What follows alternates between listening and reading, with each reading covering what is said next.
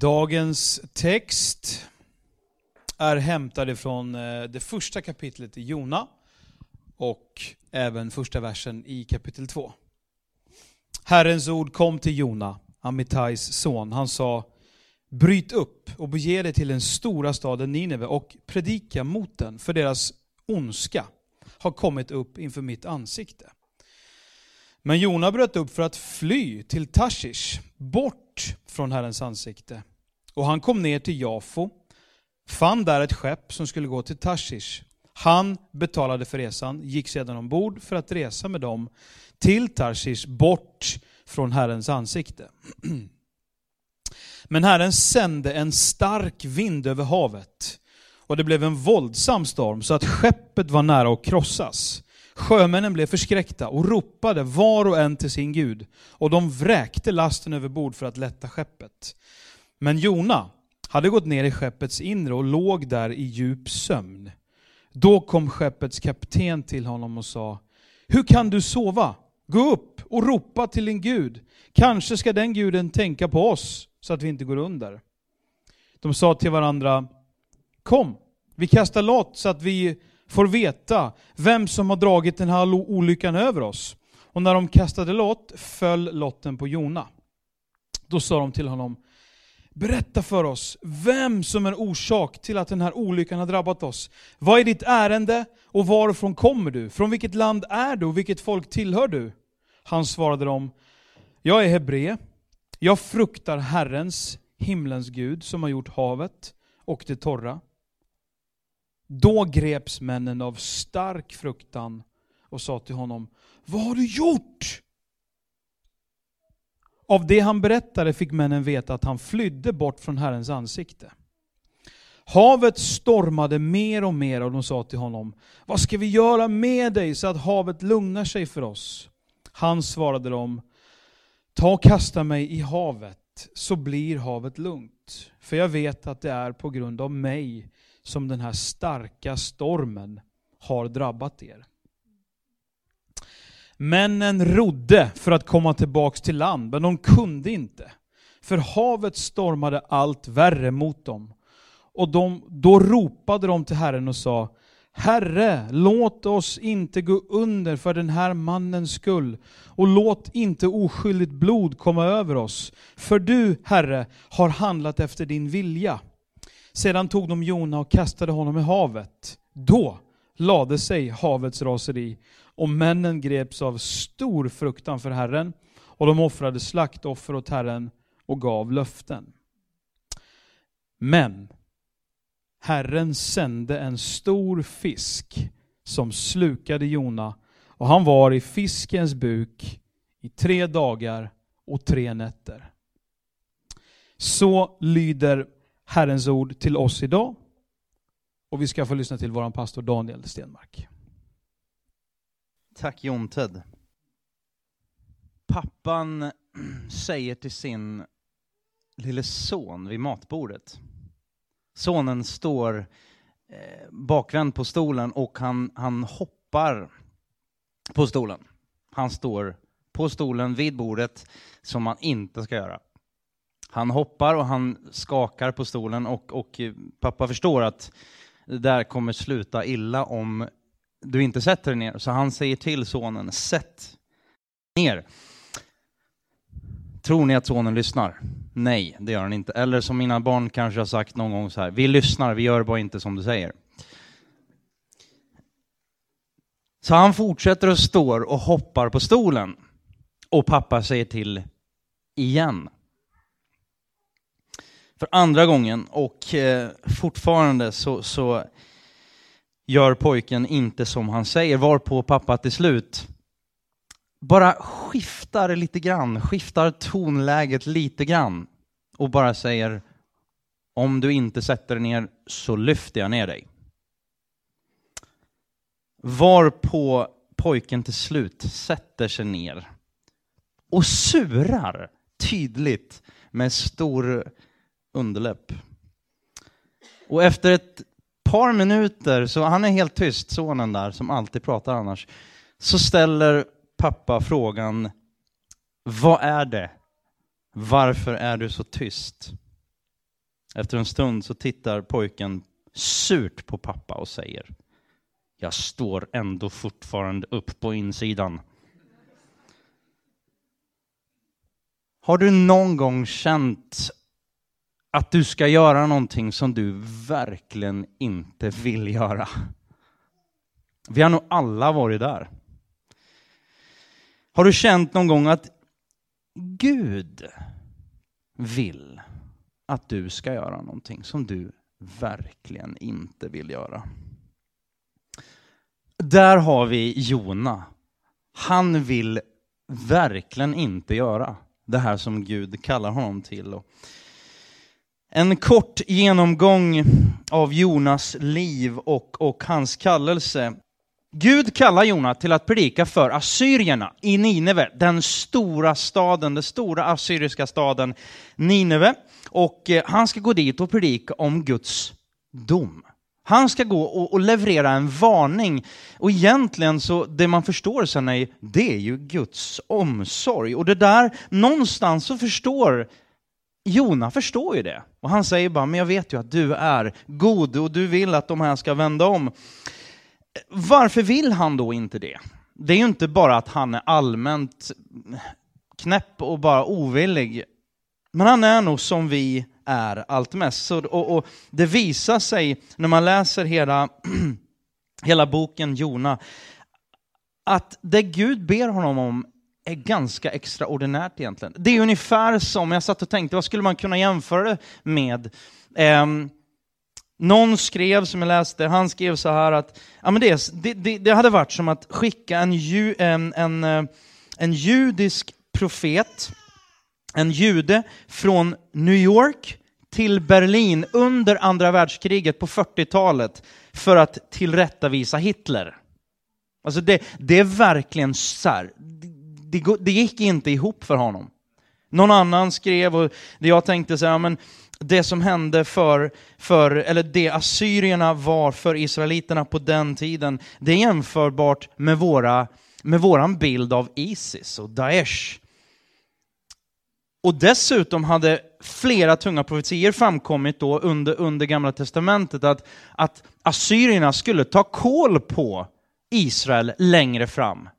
Så det var ju så här, hallå, varför ska, vi, varför ska jag vilja dem någonting gott? De, kom, de hatar oss, de kommer förgöra oss, de är ogudaktiga, de lever inte som Gud vill. Så nu kommer Gud och kallar Jona att gå till dem och varna dem och han var definitivt inte sugen på det här. Så istället för att lyda Gud så flyr han. Han, han sticker iväg och eh, det går inte riktigt som han har tänkt. Vi kan ju tycka att det är lite barnsligt och så här, ja men, jag flyr från Gud. Du, du, Gud, du kommer inte se mig. Och ganska snart, så efter den här inledningen om, om, kort, kort om Jonas liv, så bara inser vi att väldigt mycket av det här är direkt applicerbart till våra egna liv. Hur ofta flyr inte vi själva? Han var inte alls sugen på att de skulle få nåd överhuvudtaget. Han flyr och han hamnar i svårigheter. Men Gud släpper inte honom. Och hans olydnad bidrar till att han sätter andra människor i direkt fara. De håller på att gå under, inte bara han, utan en massa annat folk, alla som är på det här skeppet. Så han är olydig. Men Gud överger inte honom. Klassiker, you can run but you can't hide. Gud överger inte honom. De kastar honom i sjön, det enda, och han vet ändå med sig, han, när han är ärlig, han försöker att sova, han försöker att döva allt det här och bara gömmer sig ner i båten. Men när han är ärlig mot sig själv, då är det bara okej, okay, det, det är här problemet ligger. Kasta i mig så kommer, kommer Gud att och, och, och, och, rädda er, så, så kommer och, vädret att ge sig. Men Gud lämnar inte honom, utan han sänder en fisk. En jättefisk som sväljer honom och har honom i, sitt, i, sin, eh, i sitt inre i tre dygn. Och eh, efter det så blir han uppspottad och eh, det är lite groteskt mitt i alltihop. Och så går han i alla fall och predikar. Jag undrar hur han luktade där efter tre dagar. Men, men Det är inte konstigt att de omvände sig. Men, men han går iväg och en av de absolut enskilda största väckelserna äger rum genom hela världshistorien. 120 000 personer vänder om. Eh, och det intressanta är, det, eh, om man tittar i, i hebreiskan så är hans predikan, nu, nu kanske han sa mer än de, de orden, men de enda orden vi vet, ja, det blir sju på svenska, men det är fem i hebreiskan. Typ, Gud kommer ha dom över den här eh, om 40 dagar kommer det bli dom över ert folk och, och de vänder om till Gud. Problemet är att Jona är ju inte alls nöjd. Han, han, han, han har ju haft ett uppvaknande där i fiskens mage. Och så går han och predikar och så är han ju ändå sur. Av den enkla anledningen att Gud är ju god.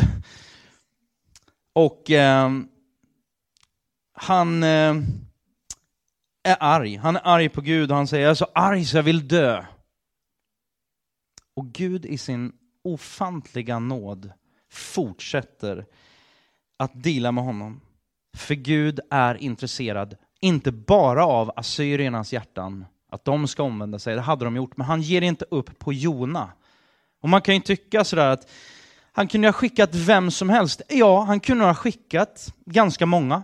Amos till exempel, en av de som man ja, kanske inte levde, kanske skilde 40-50 år, vad vet jag, men, men någonstans där han som kallas för svavelprofeten, som bara sa exakt det Gud ville och han liksom hade inga problem att, att tala ut både välsignelse och dom och det var liksom, han var hardcore så. Varför, varför vände sig Gud inte till honom när Jona inte ville? Nej, för Gud ville ha tag i Jonas hjärta också. Det första jag vill lyfta upp är, det är Jonas olydnad. Och liksom, jag förstår, eh, och vi förstår, att den här boken är inte skriven till oss, men den är skriven för oss. Och man kan ju konstatera då eh, kort det här, det har varit under århundraden så har man diskuterat ganska mycket om Jonas. Ska den, ska den överhuvudtaget finnas med i Bibeln? Eh, det, det, är ju väldigt, väldigt konstigt det här med eh, den här valen och, och eh, eller ja, fisken som det står. Och, och, på den tiden så gjorde man ingen skillnad på fisk eller val. Det fanns liksom inte den, riktigt den åtskillnaden så. Men, men eh, jag kan komma åter till det. Jona 1 och 3, då står det så här. Men Jona steg upp för att fly till Tassis, bort från Herrens ansikte, och han får ner till Jafo och fann där ett skepp som skulle gå till Tarsis. Han betalade för resan och steg sedan ombord för att fara med dem till Tarsis, bort från Herrens ansikte. Gud talar, Jona flyr, Jona springer, vi gör, han gör uppror och han är olydig. Olydnaden, vad ligger olydnaden i? Olydnaden ligger i att Jona inte litar på Gud. Han litar inte på att Gud vet bäst. Han litar inte på att Gud är god i slutändan. Och inte bara god mot honom, utan god mot alla. Om man tänker sig en film, så är det så att Gud inte bara har sett hela filmen, utan han är den som har regisserat hela filmen. Men du och jag är mitt i den. Han har regisserat den, han är i början, han är i slutet, han är över hela filmen samtidigt. Guds hjärta är mjukt och berört av Nineve. Jonas hjärta är hårt och oberört för Nineve. Gud älskar Nineve och vill rädda Nineve. Jona hatar Nineve och vill straffa Nineve. Det, det, det märkliga är att Gud, eller Jona här, han vet vad Gud faktiskt vill. Han har på känn att det här, kommer, det här kommer inte sluta som jag vill. Han vet vad Gud vill, ändå väljer han vad han själv vill. Det är ju inte direkt svårtolkat eller luddigt eller suddigt, liksom det som Gud säger till honom. Ändå väljer han, jag kör min egen väg. Och det är, någon, det, det är en enorm skillnad på, på tvivel och otro. Tvivel, jag önskar att jag kunde tro, men otro är, jag vill inte. Jag vet vad det är, jag, jag, jag kan, jag förstår, men jag vill inte, jag flyr. Jag tänker så här att olydnad hittar alltid och man letar febrilt efter bekräftelse. Rättfärdiggörande. Och det står så här, men Jonas steg upp och, eh, för att fly till Tarsis, bort från hennes ansikte, och han for ner till Jafo och fann där ett skepp.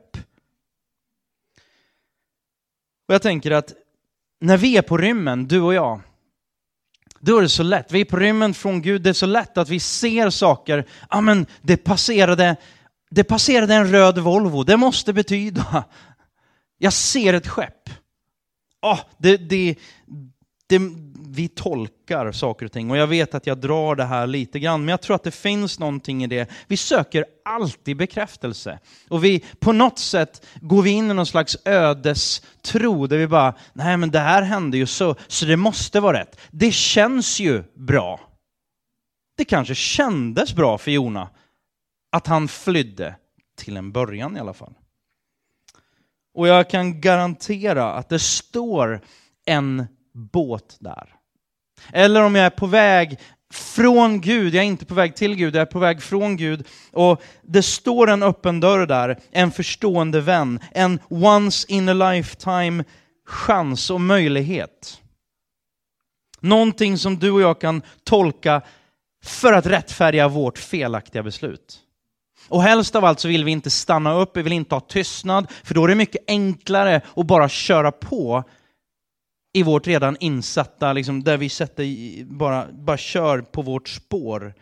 Och vi eh, tänker att, nej, det, det, det här känns ju bra, det, det, alla, alla dörrar öppnas för mig och ja, men vi är på väg åt, åt rätt håll. Vi är experter på att ljuga för oss själva. I alla fall är jag det. Ja men Gud, han gör ju ett undantag för mig just nu. Det märkliga är att Gud älskar oss mer än det där undantaget. Hur många av er skulle tillåta ett dåligt undantag för någon du älskar?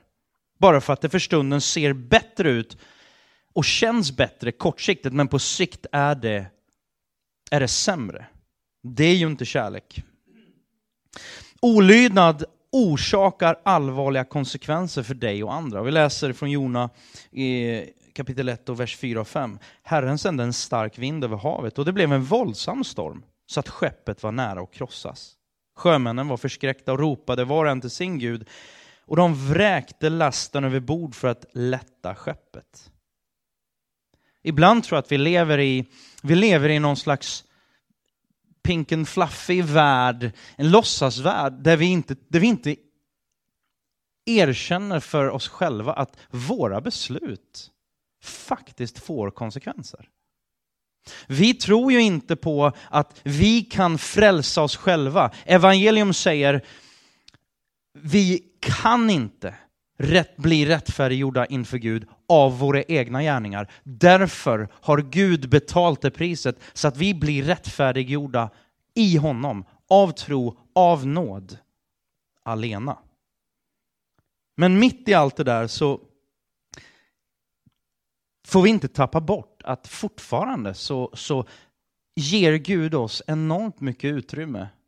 Och man kan diskutera det här med, med frivilliga i all evinnerlighet. Eh, men det som är så tydligt det är att våran vilja, våra beslut får konsekvenser för oss och för andra. Allt som händer är inte Guds omedelbara vilja. Men allt som händer kan Gud använda till sitt bästa, till ditt bästa och för, för sitt bästa och för ditt eviga väl, ska jag säga. Det här med ditt bästa kan man ju se, ja men det här känns inte riktigt som mitt bästa. Ja men då kanske man behöver se det i ett lite längre perspektiv. Jag vet inte hur du känner, du står där. Har det någon som har gått på, på gym, på en klass, där någon står och piskar, ja, kanske inte fysiskt med piskan, men står och bara trycker på och man ska köra hårdare och man, det är någon som står och, och, och, och ja, matar på rätt så hårt och man känner bara, jag tyar icke längre. Jag pallar inte mer, jag är helt slut. Då kan du känna, vad ska det här vara bra för? Varför signade jag upp på den här kursen? Varför gick jag hit? Men ur ett långsiktigt perspektiv så är det där ganska så bra.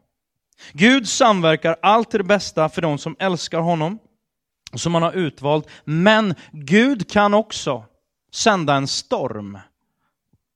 Han kan också sända en storm för att han älskar dig och han älskar mig och han behöver väcka oss. Och jag vill bara så här kort landa den punkten. Olydnad. Jag tror att vi har kommit bort ifrån det. Det är inget, det är inget hett att prata om det 2016, speciellt i Sverige. Lydnad inför Gud. Lydnad, olydnad. Olydnad är farligt. Det bär med sig allvarliga konsekvenser. Dina och mina val får konsekvenser. Och vi kan släta ut det med en del ord som, som till, till jag ska säga, i, i, använt på rätt sätt är sanning. Till exempel, the best is yet to come. Och så bara använder vi det hela tiden och bara smörar ut och, och slätar ut precis allting och så lever vi i någon slags guldvärld som inte är på riktigt. Ur ett evigt perspektiv så är the best yet to come. Absolut. Men det är inte nödvändigtvis så att bara, nej men vad härligt liksom. Det bara, det bara går bra allting. Underbart. Bara, bara kör på. Det är fantastiskt. Nej, om du lever i olydnad så är det inte fantastiskt. Om, om jag och när jag lever i olydnad så tänker jag att sockersött prat bara för att man ska känna sig bättre, det är ju inte vägen framåt.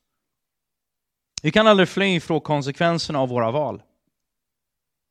Om det är negativa val av olydnad så kommer det att skapa ångest, problem, motgångar, smärta, förlust. Om man läser Jona, eh, vers 5 där, det står att Jona hade gått ner i det inre, inre eh, av skeppet och låg där i djup sömn. Det är nog lätt att olydnad leder till ännu mer ovillighet och okänslighet och kanske till och med likgiltighet, likgiltighet och själviskhet. Fylld av olust, tappat energin, orkar inte med, blir inte berörd, couldn't care less. Då ska man nog bara så här, det är någonting som håller på att hända. Det kan vara en massa olika saker. Men jag tror att man ska bevara sitt hjärta, ty därifrån utgår livet och apati. Och den typen av, av förändringar, ja men det är ju Guds väckarklocka. Det kanske inte, och förhoppningsvis inte är på alla områden i våra liv, men det är ju tydligt så att olydnad är när ord och handling inte går ihop, när det inte harmonierar. Jona 1 och 9, han svarade, jag är hebre och jag fruktar Herren, himlens Gud, som har gjort havet och det torra. Det är ju ofattbart. Han säger att han fruktar Gud. Vad tyder hans actions på där han befinner sig just där och då? Bara, ja, egentligen så fruktar jag Gud. Egentligen. Och så le han lever ju säkert med en lögn, liksom att nej men jag, jag, jag fruktar ju Gud. Jag älskar ju Gud. Jag, jag vill ju Guds bästa. Jag vill ju Guds utbredande. Det är bara att kika på hur ser våra handlingar ut? Prioriteringar, våra val. Hur ser jo, Jonas liv ut? Det är så lätt, vi kan de rätta, det rätta snacket. Den rätta bekännelsen.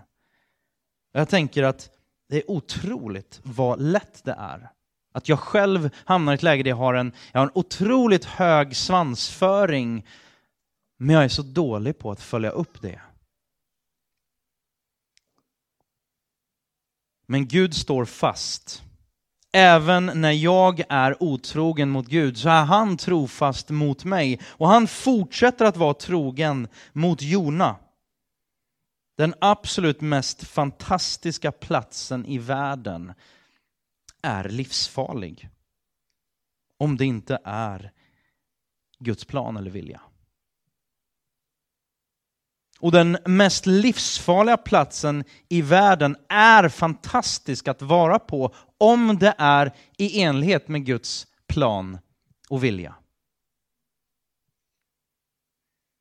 Och vi tittar på Jona och vi läser storyn och eh, vi vet att, att den här stormen som, som Jona får vara med om, det är inte ett straff. Faktum är att det är Jonas räddning. Det är, Jonas, det är början på hans första uppvaknande. Alla stormar som kommer är inte av Gud, det är inte det jag säger. Men när en storm kommer så kan Gud använda det i slutändan till någonting gott. stormen är inte ett straff i det här fallet, utan början på hans räddning. Och det är väl också så, ofta blir det värre innan det blir bättre. Ibland, jag, jag satt och pratade med en kollega som sa, ja det är bara så, jag funkar så, jag måste slå i botten innan jag börjar liksom gå, gå, gå längre. Innan, jag börjar, innan det börjar vända och jag är ärlig mot mig själv. Jag vet inte hur många av oss som är där, men jag tror att det kanske inte bara är min kollega. Jag kan nog känna igen mig i det också. Om man tittar då på Jona och i första kapitlet så verkar det inte, det verkar inte bekymra Jona så jättemycket. Han lever med sin idé om att han fruktar Gud och han följer Gud och han älskar Gud. Eh, så det verkar inte bekymra honom så mycket om att han har lämnat Gud. Men i början av andra kapitlet så blir han rädd. Och det verkar i hans värld som att Gud har lämnat Jona. Och det är precis som att, okej okay, Jona, du vill köra det här, det, här, det här stuket, du vill gå den här vägen. Kör på. Ja, jag finns här, men, men nu kommer du att få ta konsekvenserna av dina egna handlingar här ett tag. Tills du vaknar upp. Och då kommer vi till den här punkten då, hans omvändelse, Jona 2, kapitel 2, vers 3-7. Han sa, jag ropade till Herren i min nöd och han svarade mig. Från dödsrikets buk ropade jag på hjälp och du hörde min röst. Du kastade mig i djupet, mitt i havet och strömmar omslöt mig. Alla dina brottsjöar och vågor svepte över mig. Jag tänkte, jag har drivits bort från dina ögon. Plötsligt vaknar Jona upp. Och det kan låta så otroligt tufft. Och man kan tänka, det här är ju fruktansvärt. Hur kunde Gud tillåta det här? Men det här är ju inte slutet. Det här är ju början på resten av Jonas liv. Det här är ju en ny början. Och jag tänker så här, sent ska syndaren vakna. Är det inte så med oss alla? Alltså, det, ibland, ibland är vi snabba, men ofta så, så kräver det väldigt mycket för att vi ska släppa lite av våran stolthet, våran sturskhet, våran liksom hårdnackade... Eh, jag bara citerar eh, Alex Schulman, det här var några år sedan, men i en av hans, hans poddar där, där han, han bara berättar om när han flög och ett plan fick problem. Och han beskriver som plötsligt började alla att be passionerat, typ så. Han sa inte ordet passionerat, utan han sa bara alla började be när flyget fick problem. När allt går bra och bara flyter på, då är det så lätt att tappa bort Gud. Det är så lätt att tappa bort, eh, ja, egentligen tappa bort Gud som gav oss allt. Nöden är inte bara uppfinningarnas moder, utan det är också bönens och omvändelsens moder. Det kan vara något av det absolut bästa som du och jag kan vara med om. Nöd föder bön. Nöd driver oss till nåden. Och så läser jag då Romarbrevet 8.28. Vi vet att allt samverkar till det bästa för de som älskar Gud, som är kallade efter hans beslut. Gud kan använda den värsta situationen eller den bästa situationen för sitt, för sitt bästa, för ditt eviga väl.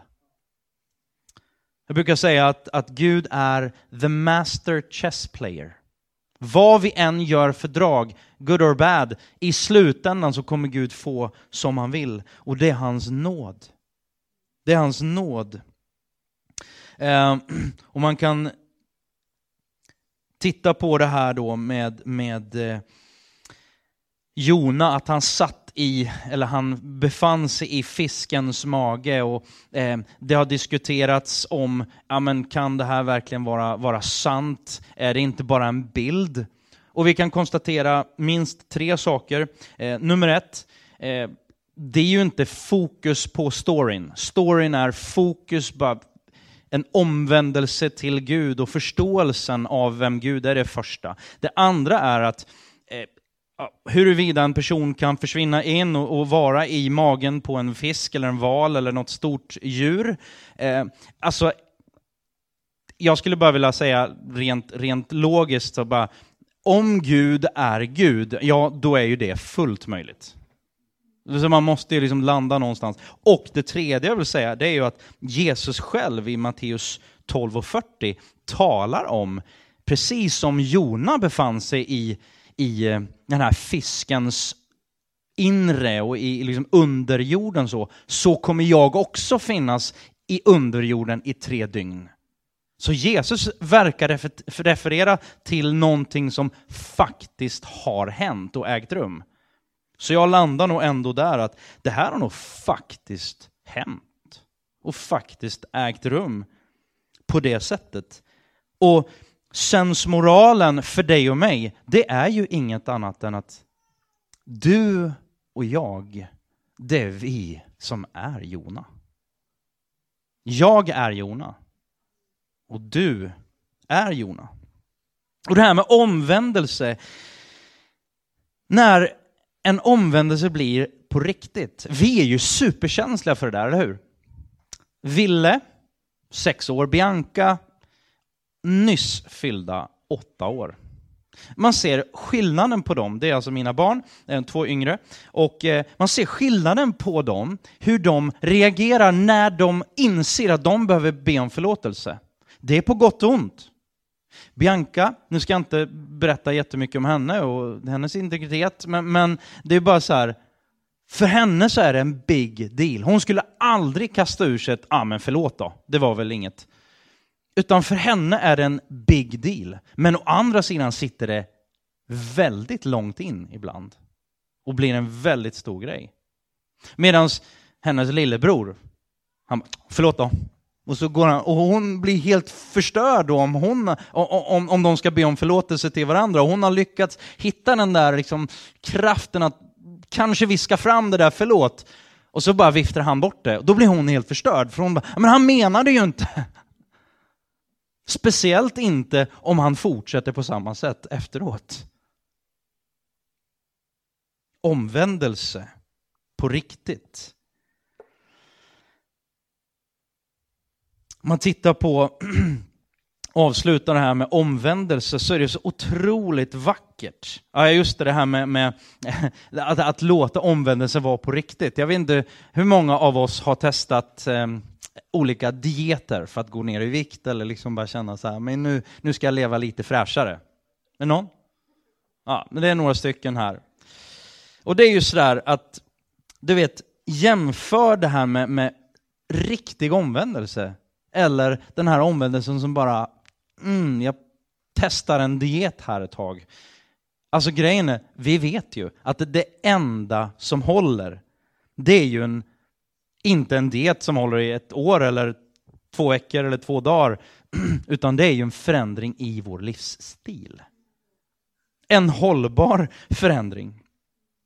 Eh, och det här med, med symboliken i Bibeln är ju otroligt vacker. Jona 2.11. Och Herren talade till fisken och den kastade upp Jona på torra land. Där ser vi omvändelsen är början på en, en ny, eh, på, på, en ny tid, speciellt för Nineve. Men också för, för Jona, där Gud dealar med honom. Och vattnet är ju en enormt stark och tydlig symbol i hela skriften. Eh, att begravas i vatten, eh, en biblisk symbol på att dö. Vi har Noa och översvämningen, en ny skapelse.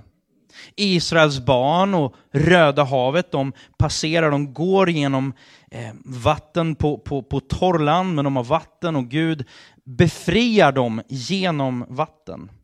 Och Jonas upplev upplevelse då i vattnet eh, markerar avslut på, på ett liv av total olydnad, även om han fortsätter lite grann. Och jag tänker att i Nya Testamentet så talar dopet, Nya Testamentet talar om dopet som en död och en födelse. Det är liksom, nej men omvändelse. Och jag, jag tänker att vi ska prata, vi ska fortsätta prata om, vi ska fundera på vilken, vilken del har dopet i våra liv?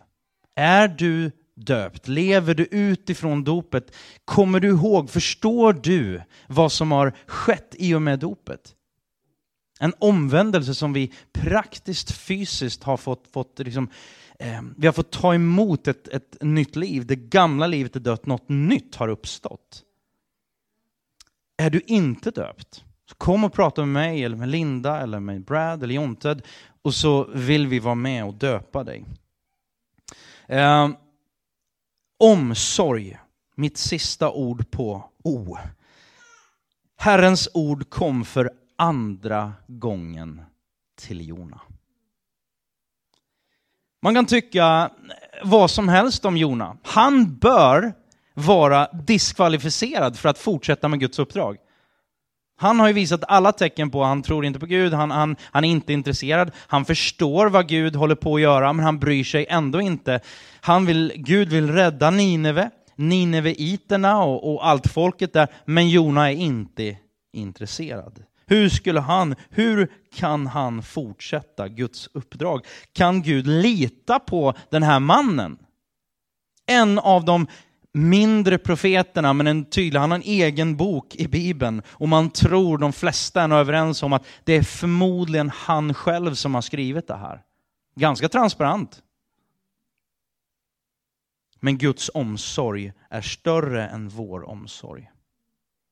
Gud är omutlig. Han är oföränderlig i sin kärlek och i sin nåd till oss. Sanningen är den att du och jag lever i olydnad. Men sanningen är också att Gud kommer med sin nåd och han säger, jag kommer aldrig ge upp på dig. Flera av oss har nog, kanske just nu, kanske precis just nu, kanske flera sitter här och lyssnar och känner så här, jag känner mig eländig.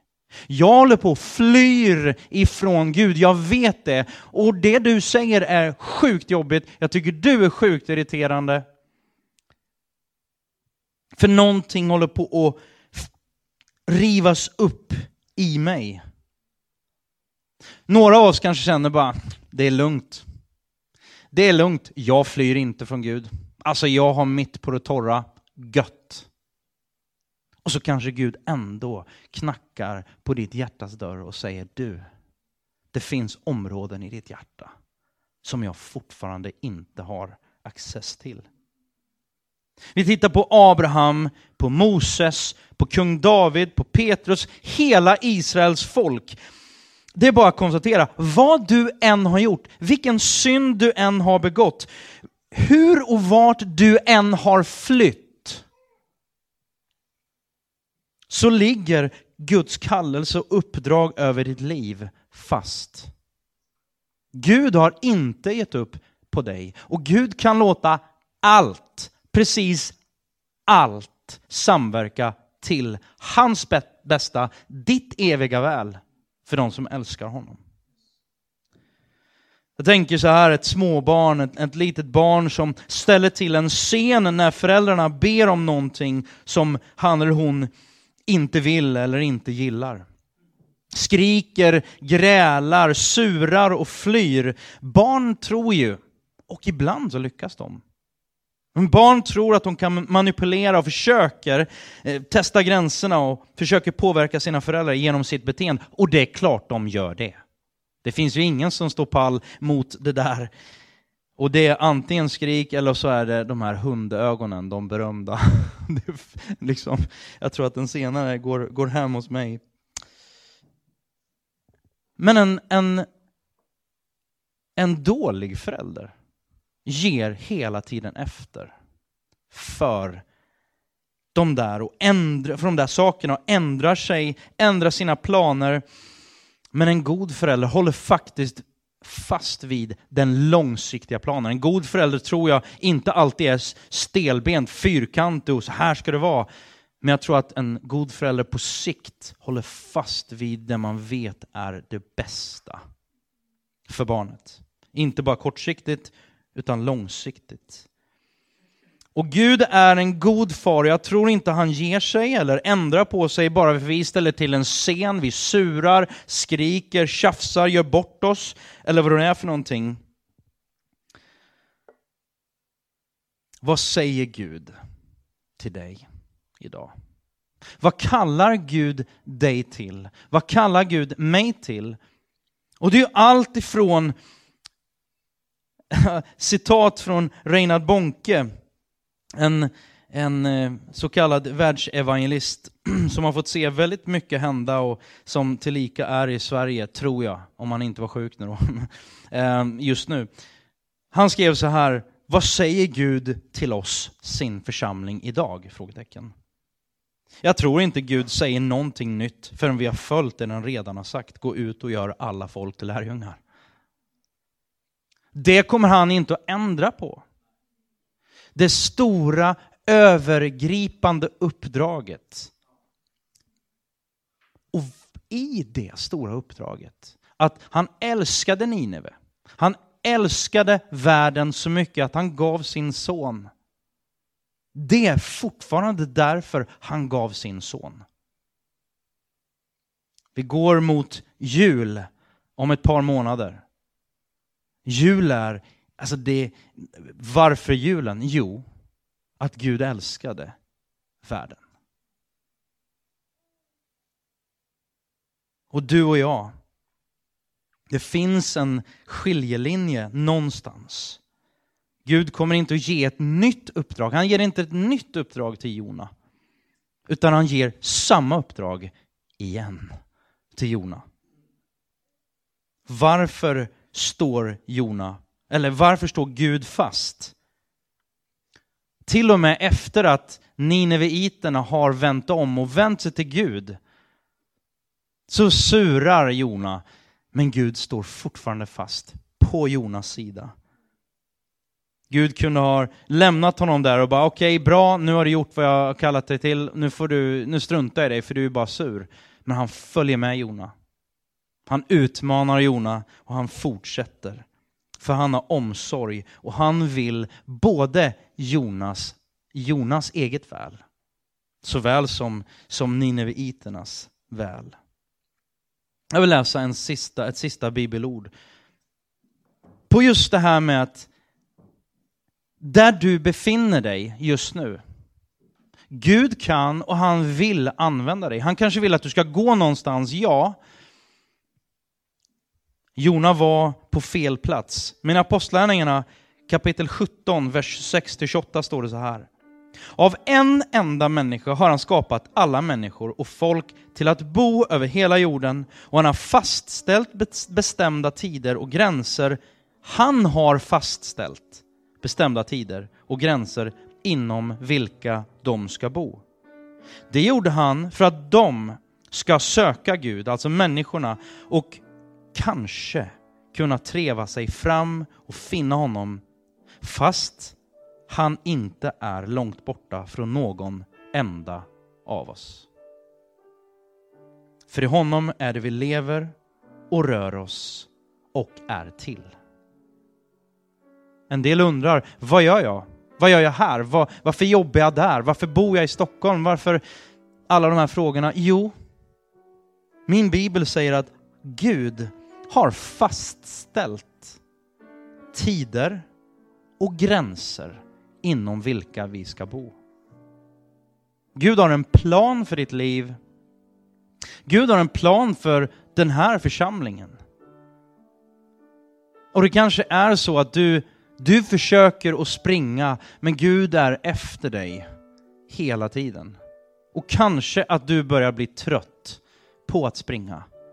Kanske är det så att det börjar storma, eller det har stormat, eller Gud förbjude, att det kommer strax börja storma. För att vi ska få vända om till Gud. För att han med sin nåd ska fånga oss upp. Inte det att nu ska du ta dig själv i kragen. Ta dig själv och lyft dig själv i håret så ska du nog fixa den här skivan. Guds budskap och Bibelns budskap är tydligt. Välkommen hem. Välkommen att ta emot Guds förlåtelse, Guds nåd. Och be Gud om att låt mig få stå i din plan, på din väg. Det är vad jag tror att Gud vill säga till mig och till dig idag. Gud välsigne oss alla. Jag vill avsluta kort med en bön. Himmelske far. Så många av oss vi flyr, vi fäktar, vi, vi är omogna, vi far omkring och vi vill inte vårt bästa, andras bästa. Jag tackar dig för din oerhörda nåd. Hjälp oss att inte bara vifta bort det här som en irrelevant berättelse. Utan Gud, låt oss och hjälp oss att ta, ta det till oss. Ditt tilltal, din plan. Tack för att du har bestämt. Det är ingen, du är inte förvånad, det är inte en, en, en eh, slump. Bara att vi befinner oss här idag, precis just nu. Utan du har en plan, du har en tanke. Du är färdig att utbreda ditt rike, att etablera din församling, din kyrka här på jorden för att vara Kristi egen kropp. Och jag tackar dig för att du älskar, du älskade nineviterna och du älskar stockholmaren, du älskar svensken, du älskar, du älskar oss Gud. Och jag ber att du skulle värma upp våra hjärtan, värma upp mitt hjärta så jag kan ta in mer av ditt hjärta. Din längtan i mitt liv, i min kalender, i min plånbok, i allt det är och har. Låt ditt rike komma, låt din vilja ske på jorden precis som den är i himlen. Himmelske far, ha förbarmande med oss. Kristus, ha förbarmande med oss. I Jesu namn. Amen.